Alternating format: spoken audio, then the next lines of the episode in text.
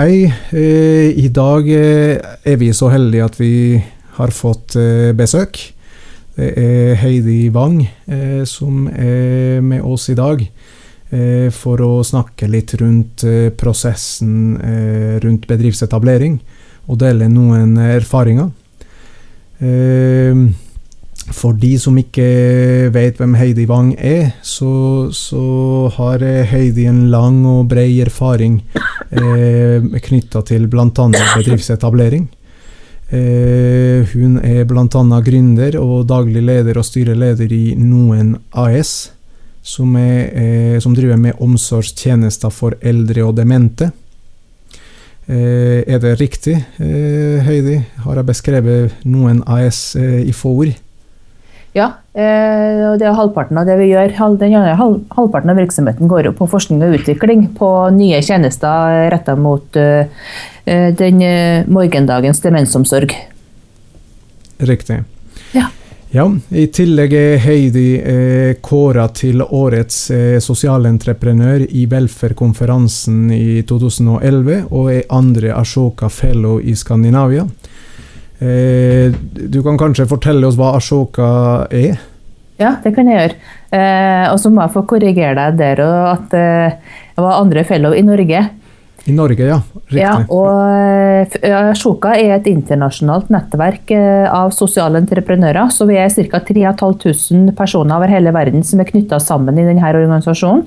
Og alle sammen eh, er vi identifisert og Eh, spionert på i mange måneder før vi ble eh, kontakta og invitert med inn i dette nettverket. Og, eh, de 3500 eh, valgte ut fordi eh, Ashoka tror at eh, det her fellows kan endre verden gjennom eh, sitt engasjement. Riktig. Ja, da har du forklart oss det, og kanskje ordet sosialt entreprenørskap for de som ikke er kjent med begrepet. Det er ja. Sosialt entreprenørskap det er jo et uh, ungt uttrykk uh, også i Norge. Og um, det er beskriver en, uh, en, sosial entreprenør. Det er jo en person som vil skape endringer i livssituasjonen for enkeltpersoner eller grupper av folk gjennom forretningsmessige metoder. Og da er de sosiale resultatene man klarer å skape, de er like viktige som de økonomiske resultatene. Riktig. Det var det siste som jeg tenker beskriver det veldig godt. Mm. Og I tillegg er du Heidi styremedlem i Innovasjon Norge og holder eh, kurs innenfor økonomistyring også for Innovasjon Norge.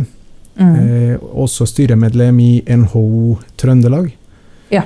Eh, og som jeg sa innledningsvis, så har du en lang og bred erfaring eh, med bl.a. ti års erfaring i, i reiselivsbransjen. Eh, tilsvarende erfaring innenfor forretningsutvikling, innovasjon og inkubatorvirksomhet. I tillegg til eh, de siste åtte årene at du har vært innenfor helsesektor gjennom din egen bedrift Noen AS. Mm -hmm. Ja, da skjønner vi at Da skjønner vi hvorfor vi, vi, skal være så heldige å få høre litt uh, fra deg og dine erfaringer rundt bedriftsetablering. Det er mange der ute som lurer på mye om dette her. Eh, ofte er det folk som går med planer om å etablere bedrift, eller er i gang med, med tenkning rundt det. Men det, det, er også folk som nettopp har tatt steget og starta bedrift, og fortsatt er i en usikker fase hvor man trenger påfyll på veldig mye. Eh, mange problemstillinger som dukker opp underveis. Eh, I tillegg til både studenter, mine, mine, egne studenter og andre studenter som jeg vet eh, hører på både, eller ser på de videoene her og, og, og hører podkasten. så så da tenker jeg at eh, eh, da, da, gir jeg i utgangspunktet ordet til deg. Eh, så, så, ser jeg at du deler skjermen din og er allerede inne på Altinn og skal vise oss litt, og samtidig som du forteller litt eh, om dine erfaringer. Ja, takk du. Um, jeg har lyst til å si at uh, innledningsvis at uh, da du spurte meg om å bli med på det her, så ønska jeg gjerne å dele erfaringer fordi at til tross for at det er mange instanser og gode hjelpere ute her, som, eh, både på kommunalt eh, og regionalt nivå, og private og offentlige aktører, så er det eh, Det går an å famle seg bort i en jungel her til å begynne med. Og jeg er spesielt opptatt av at man gjør ting i riktig rekkefølge. For jeg har sett ganske mange eksempler på der at man man får hindringer underveis eh, av rent formell art, fordi at man har eh, rigga og organisert, eh, etablert selskapet sitt på feil eh, grunnlag. Da. Mm. Så det er litt det jeg håper å, å bidra til at, at flere unngår. Mm. Mm. Så jeg tenker jo Det å etablere foretak, det Eh, starter gjerne med at man eh, bestemmer seg for hva man vil holde på med. Men eh, det skjer at det er veldig mange som undervurderer den innledende fasen, som gjerne er mye forskning og utvikling. Men at man tror egentlig at man driver med produktsalg eller tjenestesalg. Men så tar det gjerne tre til åtte år før man egentlig er der. Akkurat. Ja, og det betyr jo at ja, når, når, du sier det med, med, innovasjon og utvikling, hva, hva, hva, tenker du? Har du noe konkret eksempel på det? Ja, øh, jeg tenker hvis man øh, f.eks. skal skape en ny teknologi som man ønsker å lansere ut på markedet, så er det jo ikke uvanlig at øh, man bruker åtte år på å utvikle et produkt øh, før det faktisk tar av i markedet. Og da er man jo i utgangspunktet en, eh, en forsknings- og utviklingsaktør de 80 årene man holder på. Riktig. Ja. Mm. Eh, og det kan jo være sånn som vi gjorde i Noen. Vi har jo drevet med sju år vi med forskning og utvikling.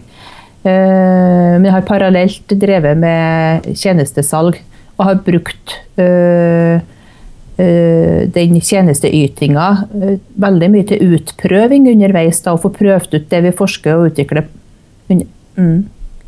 Akkurat. Fordi vi har skapt en, en ny, nye tjenester innenfor demensomsorgen. Og eh, vi har valgt å gjøre det gjennom samarbeid med forskningspartnere. Ja.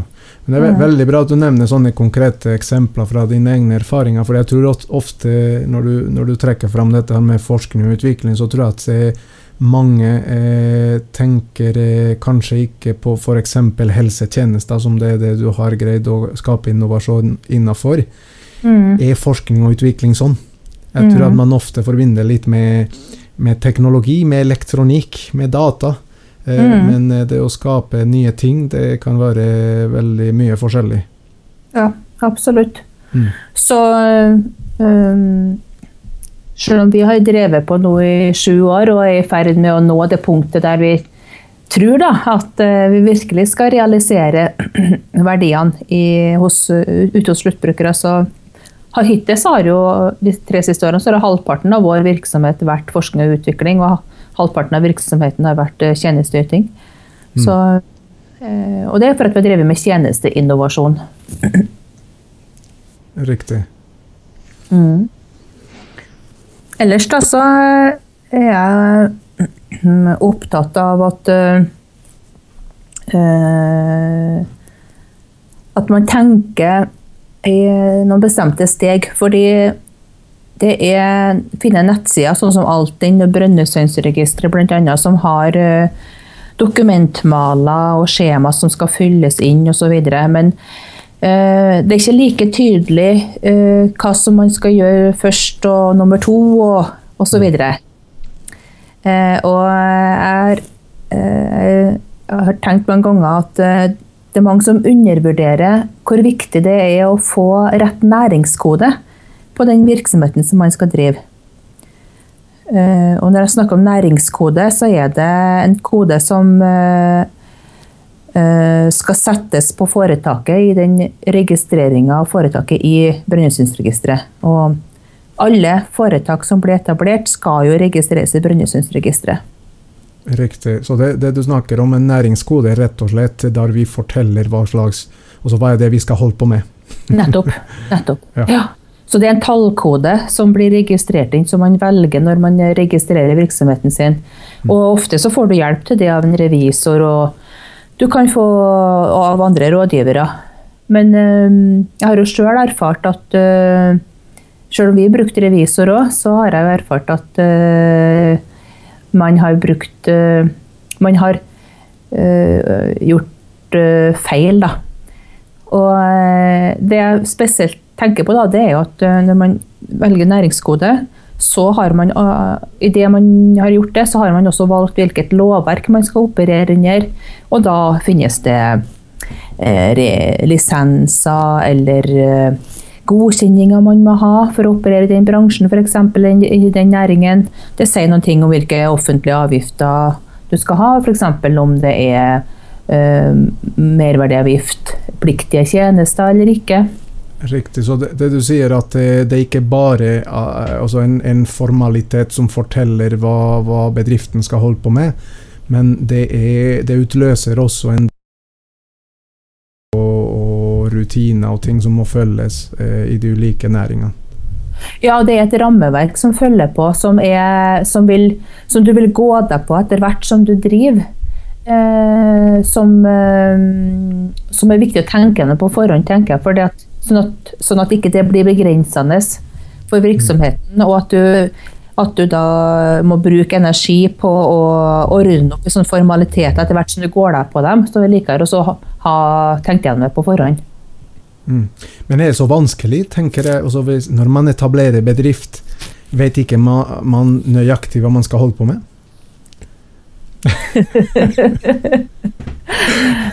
uh, Jo, men ta nå eksempelet vårt, da.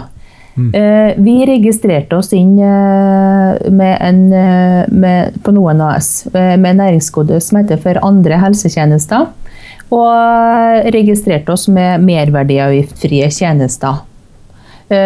Fordi at det ble av, av, våre rådgivere fant ut at den type tjenester som vi yta, de var unntatt for moms. Akkurat. Og eh, det har jo vist seg etter hvert da, at eh, skatteetaten ikke er enig, og finner ikke hjemmel i merverdiavgiftsloven for, eh, for at det, våre tjenester er momsfritatt. Og det var jo kjempeviktig at vi oppdaga det sjøl. Mm. og fikk komme i dialog med skatteetaten, for det hadde jo vært at skatteetaten som hadde avdekket det, så kunne vi jo blitt mistenkt for å ha prøvd å lure noen ting, ikke sant? og kunne fått et skattekrav på oss. Nettopp. Akkurat. Men det var veldig bra. Altså, når du nevnte det eksempelet, så, så skjønte jeg eh, fort viktigheten eh, og de konsekvensene eh, det kan ha å, å ikke registrere bedriften eh, på, med riktig næringskode. Og da tenker jeg også for entreprenørbransjen, som har ulike momssatser. Mm.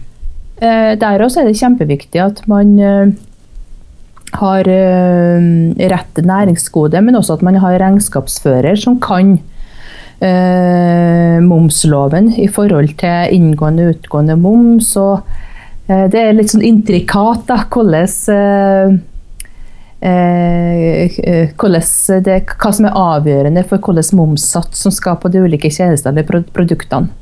Mm. Og da må man forstå, da må du ha en regnskapsfører som forstår virksomheten, og forstår hvordan kostnader eh, er knytta på Hvilke kostnader som er knytta på ulike tjenester og produkter og sånn.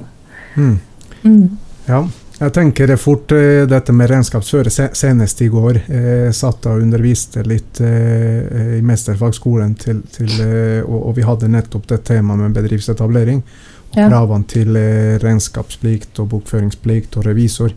Og så, ja. og så, tenker jeg at mange som tenker å etablere bedrift, ofte, spesielt når det er små bedrifter, tenker at eh, ja, de må ha en regnskapsfører, men de er ikke så nøye. Ba, bare de får oh. minste kravene. men du trekker fram at eh, det er kanskje litt mer enn å punche bilag og, og få tallene inn i systemet? Absolutt. Det er så mye som skal passes på. Uh, og for å få det riktig. Og jeg tenker jo aller mest for det å sikre at man ikke betaler noe mer enn hva man må. For i en oppstartfase så trenger man jo alle de inntekter man kan ha, og, og få redusert de kostnadene man kan ha. Og jeg tror nok at på sikt så er det noe bedre å ha en, en god regnskapsfører som gjør ting riktig fra en dag én, enn en dårlig en som gjør at du må gjenta og gjenta og gjenta og gå etter ting. Mm. Ja, det var et godt poeng i seg sjøl, det med regnskapsfører. Mm. Um, jeg kan si litt om hvordan jeg tenker når man skal etablere bedrift. Hvordan prosessen starter. Gjerne. Ja. Um, jeg tenker uh, De aller fleste har jo en idé. Og da bruker jeg å spørre om uh, hva er forskjellen på en idé og en forretningsidé. Fordi jeg syns at uh, Da vil jeg gjerne høre at etablereren svarer forretningsidé, det er ideen om hvordan jeg skal tjene penger på det her. Eller hvordan jeg skal skape sosiale resultater på det her. Eh, så da er det ikke selve tjenesten eller produktet. For det, kan være en, det, er en, en produktidé eller en tjenesteidé.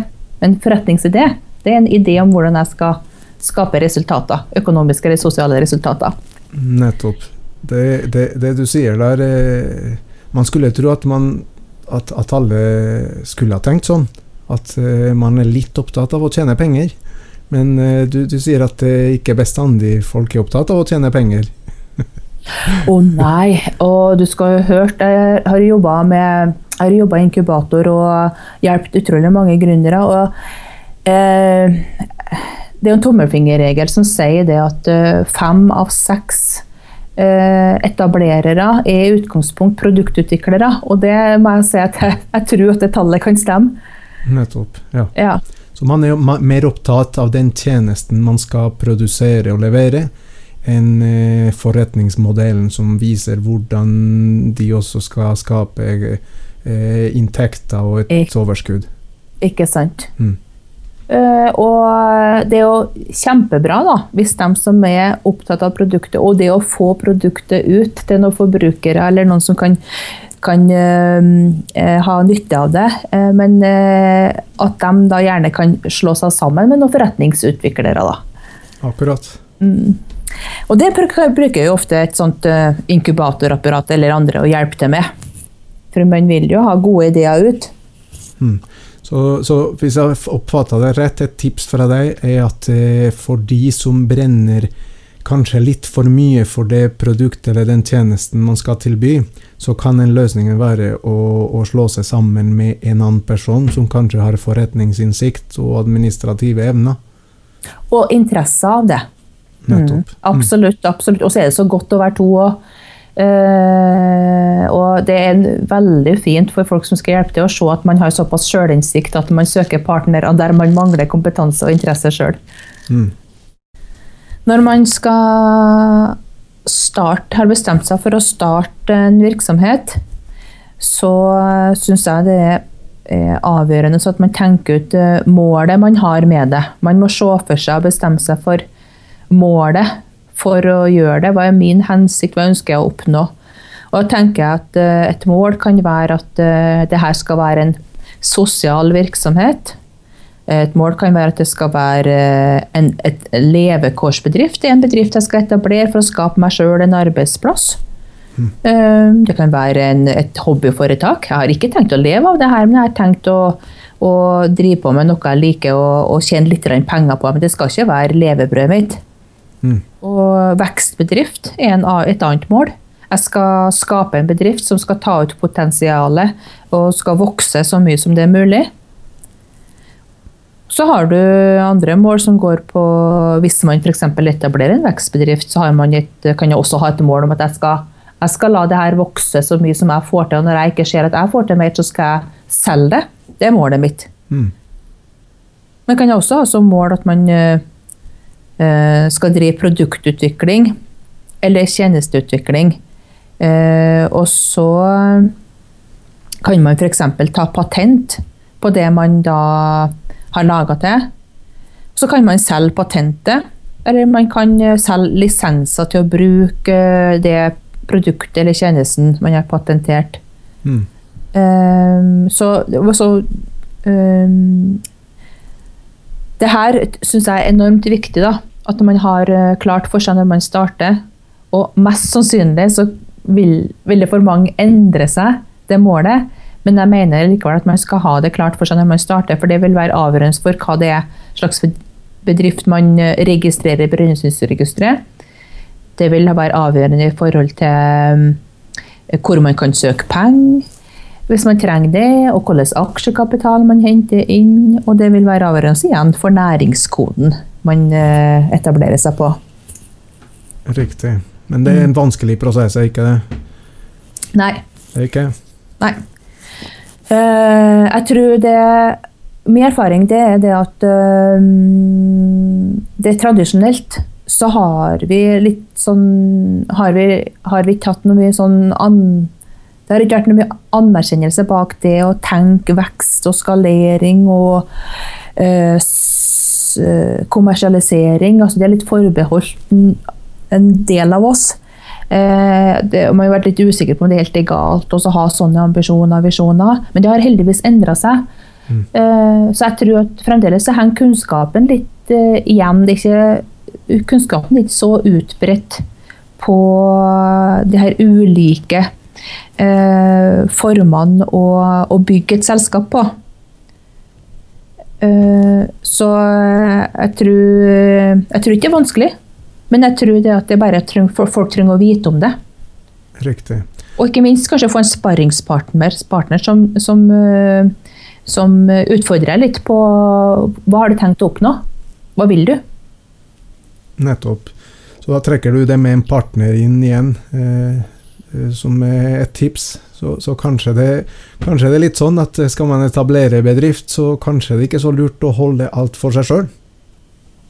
Å nei, eh, det syns jeg du har et kjempepoeng i. Altså, jeg er jo eneeier i selskapet mitt i dag. og jeg har starta opp det alene, eh, så det går, min erfaring er at det går fint, det òg.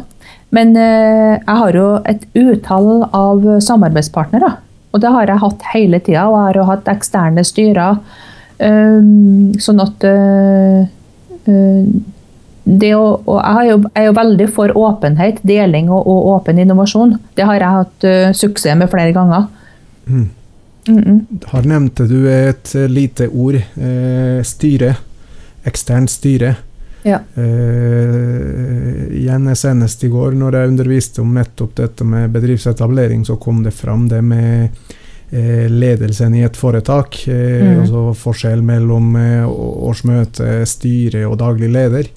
Hvor man ofte Jeg tenker at det ofte, når man starter bedrift, ofte er det små bedrifter. Mm.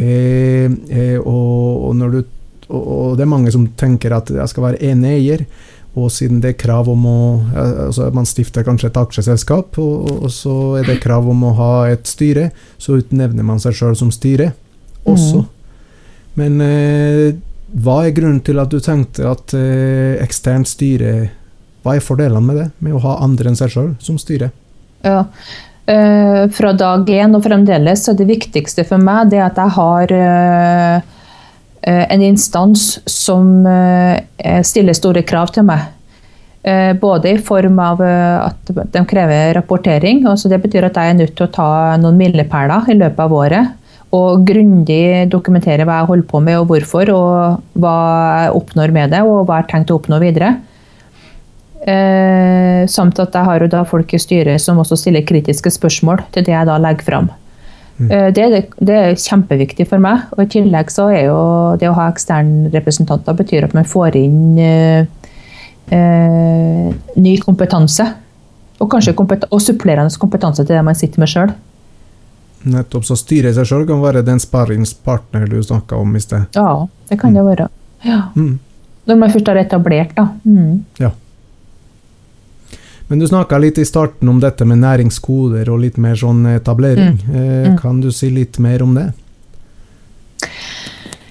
Ja eh, Hoved, hovedbudskapet eh, mitt omkring med det var jo at det vil regulere hvordan eh, rammeverket, altså lover og tillatelser og eh, sertifiseringer og eh, ja, og offentlige skatter og avgifter som du blir, blir beramma av. Men eh, ellers så tror jeg kanskje jeg kunne ha vist det òg, egentlig. Hvor det ligger på Ja, veldig gjerne. Du, ja. ja. ja. Eh, nå har jeg en side opp her som er Altinn. Eh, den syns jeg er veldig grei, fordi at uh, her ligger skjema og tjenester. Eh, det betyr at alle malskjema som man skal bruke i forbindelse med bedriftsetablering, de ligger her. Og Samtidig er det en egen eh, arkfane som går på å starte og drive bedrift. Og Den er delt opp i ting som er viktig før oppstart, og ved oppstart og registrering, og ting som er viktig i forbindelse med drifta og ved avvikling. Oversikt over støtteordninger. Så jeg syns jeg er veldig fin og informativ nettsted. Mm. Og så har jo alle tilgang til den. Ja, alle sammen. Ja. Så um, hvis man uh, skal uh, Hvis vi skal gå rett på næringskoder, så forutsetter vi at, vi har, at uh, man har valgt seg selskapsform, og man har bestemt seg for hva som er målet med foretaket sitt. og har hatt det obligatoriske oppstartmøtet der eh, man beslutter vedtekter og formål for bedriften. Mm. For Det må også være på plass før man registrerer bedriften i Brønnøysundregisteret. Mm. Riktig. Det var, eh, det var, en viktig avklaring eh, der. For jeg tror eh, jeg har en mistanke noen ganger om at eh, man forveksler registreringa i Brønnøysundregistrene med den formelle stiftelsen av selskapet. Ikke sant? Eh, men eh, det du snakker om her, er også at eh, på den ene sida har vi stiftelsesmøte, der eierne blir enige om hva bedriften skal ha som formål å, å gjøre, og, og spillereglene, eh, altså vedtektene, de grunnleggende vedtektene. Også i tillegg må man registrere alt dette her i Brønnøysundregistrene og, og sende dokumentasjon for at det skal være eh, formelt registrert hos myndighetene.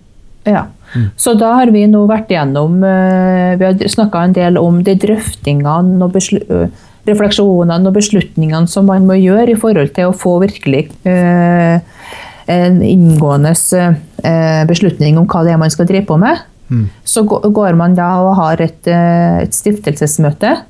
Og her har jeg da vist på den nettsida her, så har jeg vist i dokumentmalene her, så ligger da stiftelsesdokument f.eks. For, for aksjeselskap, og det ligger også stiftelsesdokument for andre selskapsformer nedover i den malen her. Så det, de, er veldig, de, er helt klart å bare fylle ut. Mm. Og så tar man da legger de stiftelsesdokumentene til grunn når man uh, skal føre over opplysningene i, uh, i Brønnøysundregisteret ved oppstart. Mm. Jeg kan jo eh, repetere det som står her på sida her, og det er at man er jo ikke pliktig å ha regnskapsfører, men eh, under eh, noen omstendigheter så må man ha revisor og nøkkel. Nøkkelreferansen der er jo hvis du har over fem millioner i omsetning, så skal mm. du ha revisor. Ja. Mm -mm. Mm -mm. Skal vi hoppe litt over det med ulike selskapsformer og sånt? Ja, det er du som bestemmer. Ja. Um, jeg kan jo fortelle hvorfor jeg har valgt aksjeselskap. Ja.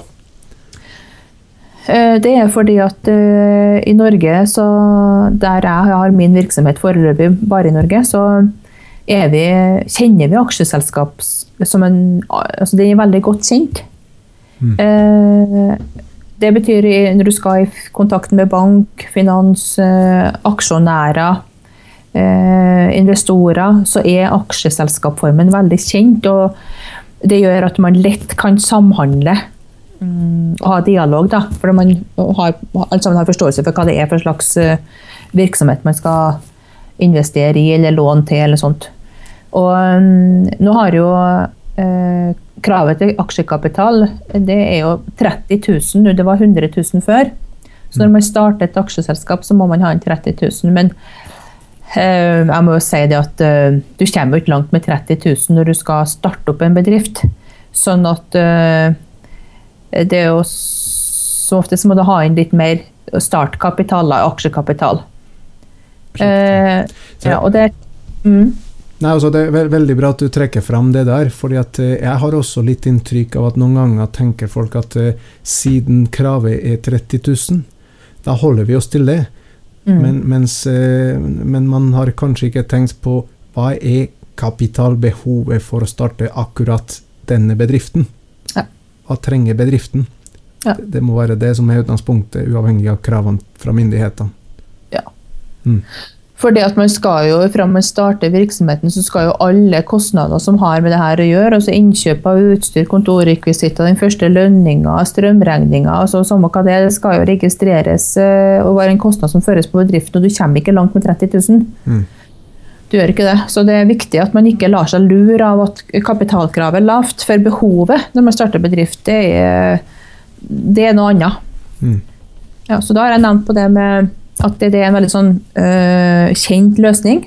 Det andre argumentet mitt for aksjeselskap er at det er veldig transparent. For når du registrerer aksjeselskap, så er mm, alle opplysninger er offentliggjort. Um, Jeg kan vise her på Proff, som er en tjener som tar ut data fra Brønnøysundregisteret. eh, som eh, eh, og, viser alle opplysninger som er rapportert inn. Jeg vise oss noen, så Nå søker du opp på proff.no for de som ikke følger med på YouTube, men følger bare lyden på podkast, så er nettsida proff med 2fa.no. så søker man på det bedriftsnavnet som man skal ha opplysninger om. Mm. Og det er jo her en veldig my mye brukt tjeneste. Um, det offentlige f.eks.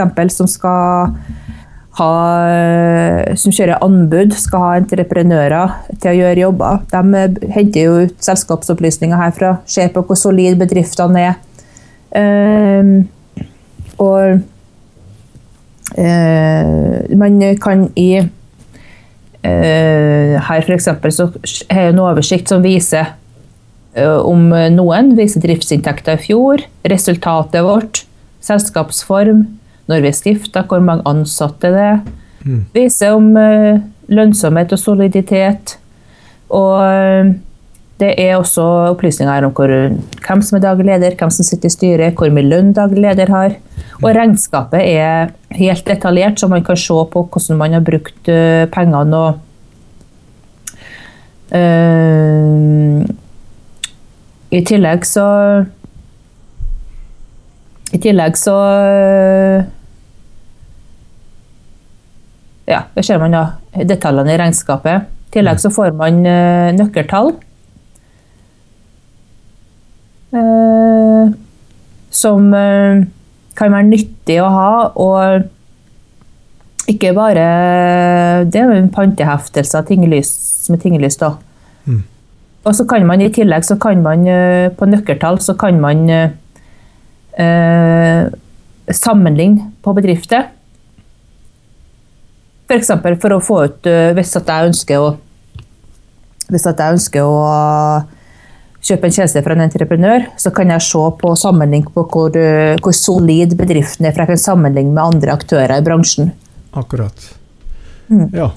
Det var eh, interessant, akkurat det siste du nevnte. Eh, og du holder på å forklare eh, hvorfor eh, du valgte aksjeselskap som aksjeform. Og, og grunnen er at det, var, at det er veldig gjennomsiktig. Opplysningene ligger åpent, og, det, og aksjeselskap er en kjent organisasjonsform som, Mm. er, som er samarbeidspartnere, leverandører og forretningspartnere kjenner til.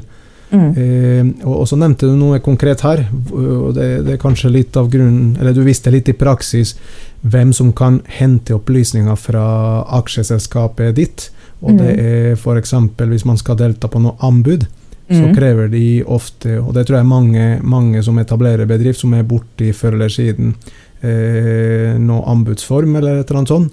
Mm. Og, og, og da krever oppdragsgiverne en viss økonomi for, Mm. eh, for at de skal få være med på leken Mm. og, og delta i konkurransen. Og, og da kan man, da, ved å ha et aksjeselskap, så har man eh, eh, lett tilgjengelig de opplysningene oppdragsgiverne trenger. Ja, Mm. det har man. Og så er det en sak til, da, og det er jo eh, Hvis man har aksjeselskap, så har man flytta alt ansvaret og risikoen over på selskapet. Eh, nå har jo kravene til styremedlemmene eh, blitt litt strengere, og sånn at styremedlemmene har større ansvar enn hva vi hadde før. Men eh, likevel så slipper man at hvis man starter som enkeltpersonforetak f.eks., så er jo privatøkonomien og det er privatpersonen som står ansvarlig for alt man gjør. Mm. Og Det betyr jo at hus og hjem kan ryke hvis det går dårlig i bedriften, men det gjør det ikke hvis man har et aksjeselskap. Og så betyr det også at man som ansatt i eget aksjeselskap, så er man en ansatt og har alle sosiale goder som Velferds-Norge kan tilby. F.eks. det med sykelønn og permisjonsreglement, og, som man ikke har hvis man er i et enkeltpersonforetak. Riktig. Der nevner du noe interessant som jeg får ofte spørsmål om. Eh, spesielt eh, bitte små bedrifter. En person som eh, bestemmer seg for å stifte et aksjeselskap, og så skal man som sagt eh, gjøre alt sjøl. Mm. Eh, og, og, og, da lurer man på hva Altså, hvis jeg er eier, så kan jeg jobbe i bedriften. Mm. Men eh, hvis man jobber for et AS, mm. selv om man eier det AS-et, så er man da ansatt, er man ikke det? Ja. Man er ansatt og blir registrert Eh, her i, i offentlige registre og får eh, eh, tilgang til velferdsgodene. Nettopp, så man blir en ordinær ansatt. Det, det er kanskje viktig å, å, å, skille mellom bedriften, som er en egen, en egen enhet, og, ja. og person, privatperson ja. ja. Mm. Ikke sant? Det det er, noe annet. Da er du en ansatt, og på lik linje med andre ansatte som du eventuelt har. Mm. Det eneste sammenlignet med et enkeltpersonforetak er at eh, når man er ansatt for bedriften sin del, så, mm. så medfører det noen, noen ekstra kostnader knytta til sosial, arbeidsgiveravgift og, og mm. forsikringer og den type ting som alle ansatte, eh, alle ansatte eh, genererer når de mottar lønn. Ja. Eh, det er kanskje noe som er viktig å ha opplysninger om. Ja, det er det. Uh, uh, F.eks. når jeg skal regne lønnskostnader på mine ansatte, mm. så tar jeg den lønna som de har, og så ganger jeg med 1,3. Da mm. får jeg den lønnskostnaden som bedriften har. Nettopp. Mm. nettopp for å skille hva den ansatte mottar, og, mm. og, og den kostnaden som bedriften har. Ja. ja. For det, den 30% du legger til, det er en sånn tommelfingerregel eller erfaringstall på, på, det som inngår av sosiale kostnader, som det heter ja. på lønn. Feriepenger og en liten margin på sykefravær. Nettopp. Og OTP, som er obligatorisk tjenestepensjon. Mm. Og det, det, får man også hvis man stifter et lite aksjeselskap. Man er eneeier eier og bestemmer seg for å ansette seg sjøl i bedriften som daglig mm-hmm. leder. Mm. Så, så, behandles lønna eh, på samme måten som hvilken som helst ansatt. Ja, mm. det gjør det. Mm -mm. Fint, fint. Da har jeg snakka litt om hvorfor jeg har valgt aksjeselskap. For jeg har fått det spørsmålet veldig ofte når jeg nå driver en uh, virksomhet som har et sosialt formål. Altså, vårt formål er å bidra til at Eh, eh, akkurat nå da, så er å bidra til at uh, demensomsorgen i verden blir bedre, at det blir bedre å leve med demens. Mm. Men så har vi valgt aksjeselskap for å gjøre det nettopp av de grunnene som jeg beskrev nå. Mm. Mm -mm. Ja, men det er veldig fint. For en ting er å tilnærme seg sånne valg teoretisk, men når vi får konkrete eksempler, så, så, er, det, så er mye lettere å forstå. Mm, så bra. Mm. Eller så var det næringskode som eh, vi skulle se litt nærmere på, sa vi. Mm. For da skulle vi Da har vi bevega oss fra å ha funnet ut hvilken type virksomhet hva man skal drive på med, og hva som er målet. Og så har vi snakka litt om det aksjeselskapet. Og når man har da hatt, hatt stiftelsesmøte og fått, uh, fått, ned på stiftelsesdokumentene hva denne virksomheten skal holde på med, så er det tid for å registrere det inn i i Brønnøysundregisteret. Mm. Skal vi se her, da, om jeg får det opp det her. Ja, Brønnøysundregistrene, det er netts... Nei, det er eh, Altså, man går via altinn.no, ikke sant? Ja. ja. Eh, det kan man Tidligere gikk man inn på Brønnøysundregistrene direkte. Ja, og nå kan man godt her uh, gå via uh, nettsidene her. Ja, mm. Altinn.no. Mm. Ikke sant. Så når jeg nå har på, gått inn på starte og drive bedrift, og på oppstart og registrering, så får jeg rett og slett det skjemaet som jeg skal registrere eh, oppstarten på. Det ligger her på høyresida. Og det som er så fint, det er at det er samme skjema vi bruker hvis det er alle slags endringer som angår selskapet som skal rapporteres inn til Brønnøysundregisteret. Mm. Vi bruker akkurat samme skjema, så man blir litt kjent med det skjemaet etter hvert. Riktig. Og det skjemaet det heter samordna registermelding. Ja. Og det du sier er at eh, både når man skal etablere bedriften og registrere den i Brønnøysund, bruker man mm. det skjemaet, men også hvis man senere skal gjøre en endring, en sånn formell endring eh, i, i registeret, som f.eks. endringer i styresammensetning eller et eller annet, så, så, går man på samme skjema. Ja. Endring i styre, endring i vedtekt og formål, mm. endring på aksjekapital. Mm. Mm. Ja, det er sant. Så det, er, det syns jeg er en fordel. da. Så nå går jeg inn da via Altinn her på den samordnede registermeldinga, og da kommer jeg inn på øh, kommer jeg inn på øh, login-sida. Og nå så syns jeg at øh, vi kan vise et litt annet bilde, for jeg har ikke lyst til å vise mine koder. Skal vi se. Det høres fornuftig ut.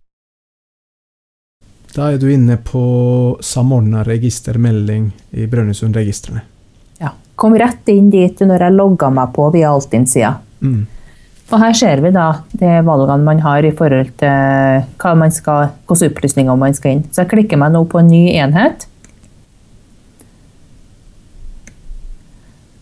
Og eh, at det skal være et aksjeselskap.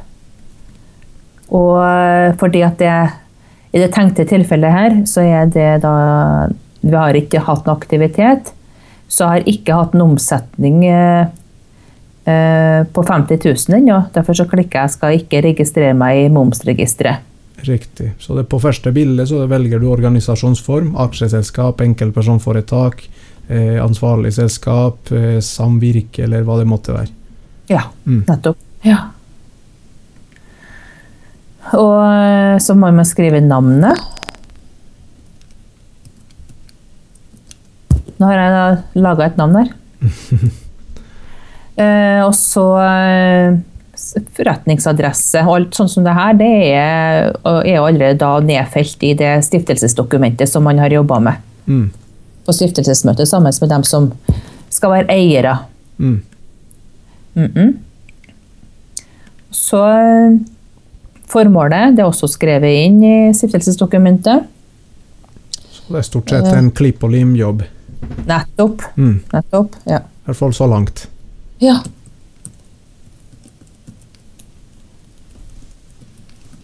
Så der taster du inn eh, selve formålet til bedriften, altså hva, ja.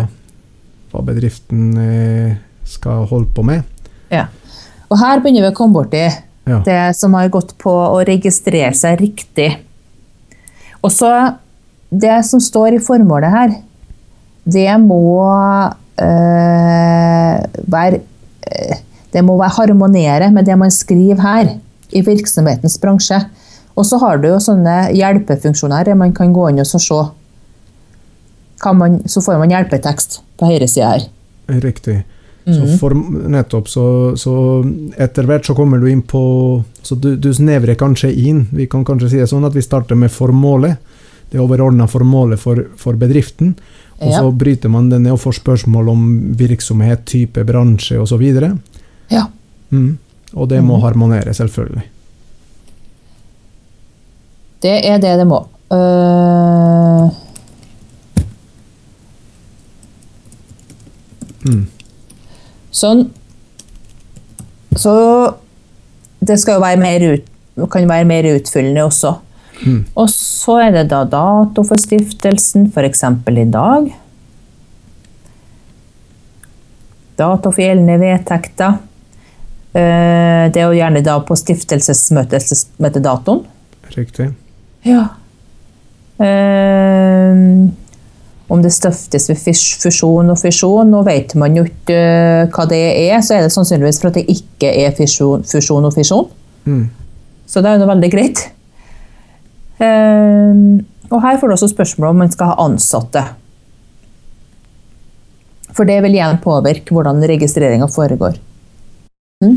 Ja, for nå, nå har du vist oss litt grann, eh, om eh, eh, hvor man går inn i samordna registermelding for å registrere et eh, f.eks.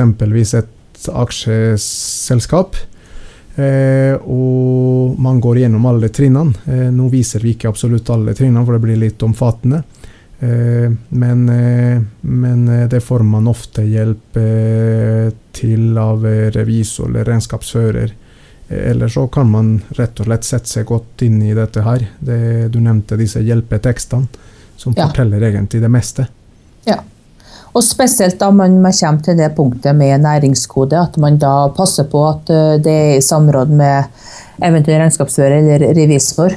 Eh, Uh, at uh, man har med seg en god beskrivelse, ikke overlate til dem å sette næringskode, men at man passer på at de får uh, god informasjon om hva man har tenkt å drive på med. Mm.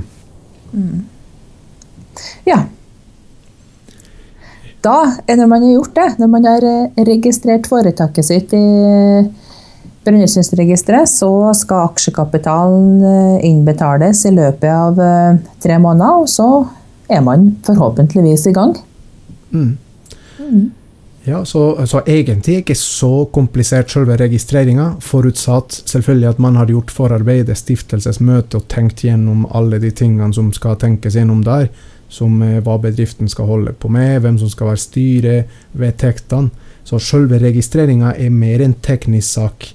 Eh, så det, det er ikke det som er kanskje tidkrevende, hvis man har det klart, det som skal inn der. Absolutt ikke. Jeg kan ta, ta gjenta i rekkefølgen. Mm. Sånn at det er Drøfte hva som er, hvilken type bedrift man skal ha. eh, for, målet med den. Man eh, drøfter hvilken eh, selskapsform man vil ha.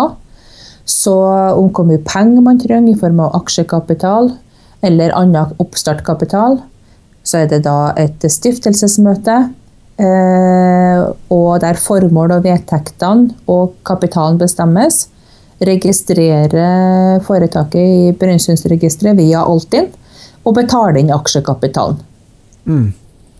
Det var kort, kort oppsummert hele prosessen med å registrere, stifte og registrere et aksjeselskap. Ja. Eller et annet selskap. Mm. Mm. Det høres bra ut. eh, Heidi, nå har du dratt oss gjennom mange ulike relevante og spennende tema knytta til, eh, til bedriftsetablering. Eh, Men hvis vi skal oppsummere litt, eh, hvor var det vi starta egentlig i dag? Ja, si det. Du, det min, eh, min hjertesak i det her, det er mm, at øh, man er, har tenkt gjennom godt uh, hva man vil med bedriften sin. Øh, som jeg snakka om, om det var en vekstbedrift eller en levekårsbedrift. Er det produkt- tjenesteutvikling? Og at man øh, øh, registrerer opplysningene om selskapet eh, på rett måte i forhold til hva man faktisk skal drive på med, sånn at man er sikker på at man ikke eh, får hindringer underveis ved at man har eh, man, at man har eh, utfordringer med offentlige avgifter, momsregler, eh, eh, godkjenninger osv. Ja, det tror jeg er en viktig opplysning det med næringskode, som du har vært inne på her. eh, Det tror jeg kanskje ikke er så lett tilgjengelig, den informasjonen. Når jeg tenker meg om. Man snakker ofte om mange ulike sider ved bedriftsetablering, men, eh, men det er ikke kanskje så, så mange som snakker om akkurat den biten. Og Nei, Mm. og, og i tillegg at man eh, man er ikke opptatt av det, og så er det gjerne regnskapsfører eller revisor som setter en næringskode, og, og skal overlater man den jobben til dem, så må man i hvert fall sørge for at de er godt orientert om hva bedriften skal starte med fra dag én. For det er ingenting imot å endre det underveis. Men skal man f.eks. drive produkt- og tjenesteutvikling til å begynne med, og drive f.eks. med mye forskning og utvikling, så er det andre næringskoder og andre rammevilkår som gjelder, enn om du, når, når du kommer i den fasen at du skal selge lisenser, selge produkter eller selge selge tjenester. Mm. Men eh, vet du kanskje noe om hva som kan defineres som utvikling, eller forskning og utvikling? Eh, er det noe som eh, kan være relevant for flere enn eh, man kanskje er klar over? Å ja, og spesielt etter at vi fikk den ordningen som heter SkatteFUNN, som gjør det mulig for bedrifter å søke SkatteFUNN gjennom Innovasjon Norge. Det betyr at man får fradrag på skatten for alle kostnadene man har med forskning og utvikling i bedriften. Og Det betyr at man må prosjektere arbeidet sitt og få det godkjent av Innovasjon Norge som et SkatteFUNN-prosjekt. Og eh, Går man i pluss, sånn at man skulle betalt skatt, så får man fratrekk fra 20% av de forsknings- og utviklingskostnadene som man har hatt. Og Det er ganske mye penger. altså Har du, har du 400 000 i utgifter, så er det faktisk eh, 80, eh, litt over 80 000 du får i, i fradrag på skatten. Og har du gått i, ikke gått i pluss, sånn at du ikke skal betale skatt, så får du faktisk refundert tilsvarende. Riktig. Og dette her er noe som i utgangspunktet er åpent åpen for alle bransjer. Det å, skape, no, det å skape noe nytt er ikke forbeholdt bestemte bransjer. Helt klart, og det trenger ikke å være noe nytt eh, sånn revolusjonerende på Eh, i verden eller i samfunnet. Det kan være nytt for bedriften. Riktig. Mm. Ja, det tror jeg er ofte en, en vanlig misforståelse. Man tenker på nyskaping som eh, å, lage noe som kan patenteres. Noe som ingen andre har funnet på før. Men det er ikke så strengt, det der. Nei, det det handler om, det handler om å skape konkurranse, konkurransekraftig næringsliv. Konkurransekraftige bedrifter. Det er Derfor eh, Norge har denne ordninga. Det er for å styrke hver enkelt bedriften til å, å bli mer levedyktig og konkurransedyktig. Mm. Ja, Heidi, nå har du dratt oss gjennom eh, eh veldig mange sider av eh, dette her. Eh, er det noen flere avsluttende tanker du har og eh, du vil formidle til eh, nettopp de som hører på dette her? Folk som har planer eller interesse om eh, det å etablere en bedrift? Jeg ønsker alle sammen veldig lykke til. Vi trenger hver eneste entreprenør, hver eneste gründer. Vi er, Norge er i omstilling, og vi vet at eh, framtidas arbeidsplasser produkter og tjenester de finnes ikke ennå. Så jeg ønsker alle sammen på banen her å eh, ta kontakt med ditt eh, næringsapparat hvis du trenger hjelp. Men kom i gang. Det høres eh, ut som veldig kloke ord for å avslutte den videoen og den podkasten her. Da sier jeg bare tusen, tusen takk, Heidi, for at du tok deg tida til å være med oss i dag og fortelle litt og dele litt dine egne erfaringer og din kunnskap som du har opparbeidet deg gjennom eh, en, en, solid eh, og bred erfaring eh, fra ulike bransjer. Eh, så håper jeg at, eh, at vi kanskje er så heldige at vi har det på besøk enda en gang ved en senere anledning. At dette har bare første av flere ganger. Gjerne det. Takk for nå.